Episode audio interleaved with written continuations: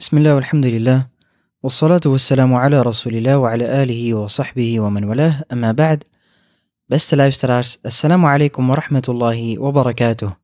Welkom bij de veertiende aflevering van onze reeks Een kijkje in het leven van de profeet sallallahu alayhi wasallam.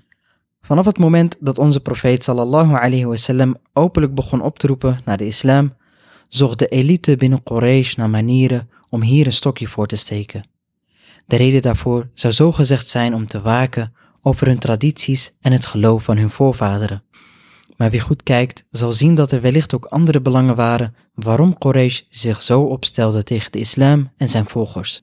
En met name de zwakkeren onder de gelovigen vielen ten prooi aan deze onderdrukking en martelingen. Zoals bijvoorbeeld het verhaal van Abu Dhar al-Ghifari laat zien dat we in de vorige aflevering hebben gehoord. Maar ook de profeet sallallahu alayhi wasallam zelf kreeg het een en ander te verduren. Hoewel men in het begin nog een diplomatieke manier koos, werd later geen middel geschroomd. Van vernedering en mishandeling tot kinderachtige pesterijen. Zo bad de profeet sallallahu alayhi wasallam een keer bij de Kaaba en op dat moment kwam Quraysh samen voor een zitting. Waarop een van de aanwezigen zei, zien jullie ook dit aanzicht, oftewel de profeet die aan het bidden is? Wie van jullie gaat naar de kamelen van die en die en pakt daar de nageboorte van een kameel en gooit deze op hem wanneer hij neerknielt? Waarop de meest slechtste onder hen er vandoor ging en terugkwam met deze nageboorte en deze op de profeet sallallahu alayhi wasallam gooide. Ondertussen rende iemand naar Fatima, de dochter van de profeet sallallahu alayhi wasallam, om haar te vertellen wat er gebeurde. Zij snelde zich naar haar vader, die in sujud was gebleven, waarop Fatima de viezigheid van de rug van haar vader haalde en vervolgens liep ze richting de daders en riep hen het een en ander toe. Nadat de profeet sallallahu alayhi wasallam klaar was met zijn gebed, riep hij Allah tabarak wa ta'ala aan tegen Quraysh. En hij noemde in het specifieke Amr ibn Hisham, ook wel bekend als Abu Jahl, en Utbah en Shayba ibn Rabi'a en Walid ibn Utbah, Umayyah ibn Khalaf en anderen. Deze personen vormden de elite van Quraysh en met name van hen kreeg de profeet sallallahu alayhi wasallam en zijn metgezellen veel te verduren. Sommigen kozen voor een diplomatiekere aanpak. Met name in het begin heerste nog het gevoel, Mohammed is een van ons. En wat zij deden is in plaats van direct naar de profeet gaan, oefenden zij druk uit op zijn oom Abu Talib. Want Abu Talib werd gezien als leider van Benu Hashim. En men wist natuurlijk hoe sterk de band tussen de profeet en zijn oom Abu Talib was. En in tegenstelling tot zijn broer Abu Lahab had Abu Talib de profeet sallallahu alayhi wasallam trouw gezworen om hem te beschermen vanaf het moment dat hij openlijk met zijn uitnodiging begon. Dus Quraysh ging naar Abu Talib om hem te overtuigen dat hij zijn neefje tot de orde moest roepen. Abu Talib liet zich niet vertellen wat hij moest doen en diende hen van repliek.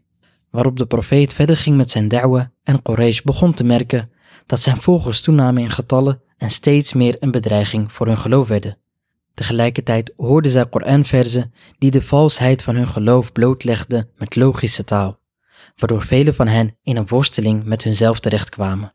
Aan de ene kant het geloof van hun voorvaderen en de sociale druk die daarbij hoorde. Aan de andere kant de waarheid waar ze niet omheen konden. Hierop ging nogmaals een groep naar Abu Talib en ditmaal met ferme taal. Ja, Abu Talib, of je brengt Mohammed tot een halt, of het zal slecht aflopen met jou en hem. Abu Talib hield van zijn volk, dus voelde zich ergens gedwongen met zijn neefje te gaan praten. Tegelijkertijd lag het hem niet lekker om zijn neefje te verraden en hem over te leveren aan Quraysh. Abu Talib sprak tegen de profeet en zei, O zoon van mijn broer, het volk is naar mij toegekomen en zegt dit en dat over jou. Dus maak het voor jezelf makkelijk en dwing mij niet tot iets wat ik niet aan kan. De profeet sallallahu alayhi wasallam dacht dat zijn oom hem had verlogend, waarop hij tegen zijn oom zei, Wallahi, al leggen zij de zon in mijn rechterhand en de maan in mijn linkerhand, zodat ik hiermee zou stoppen, dan nog had ik het niet gedaan. Vervolgens wilde de profeet sallallahu alayhi wasallam weglopen, waarop zijn oom hem terugriep en zei, Ga en verkondig wat jij wilt, want wallahi, ik zal je niet overleveren aan hem. Abu Talib liet zich niet intimideren. Dus Quraysh moest weer op zoek naar een andere methode en de wanhoop spetterde er vanaf toen zij met het volgende voorstel kwamen. Ze wilden hem de dapperste en knapste jongen van Quraysh geven in ruil voor de profeet. Hierop zei Abu Talib, bijzonder zijn jullie. Jullie willen dat ik jullie zoon neem en hem ga verzorgen, en dat ik jullie mijn zoon geef zodat jullie hem kunnen doden.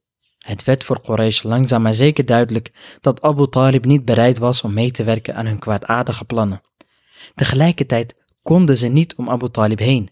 Hij werd gezien als leider van Benu Hashim en had de verantwoordelijkheid over de rifade en de siqaya. Quraysh moest andere manieren gaan zoeken om de profeet tot een halt te roepen. Wellicht moesten ze direct met de profeet sallallahu alayhi wasallam gaan praten en met hem direct gaan handelen om hem van gedachten te kunnen veranderen. Hierover meer in de volgende aflevering. Mocht Allah tabarak wa ta'ala ons kennis en wijsheid schenken. Wa sallallahu wa sallam wa barak ala nabina Muhammad wa ala alihi wa sahbihi ajma'in. Bedankt voor het luisteren. Wassalamu alaikum wa rahmatullahi wa barakatuh.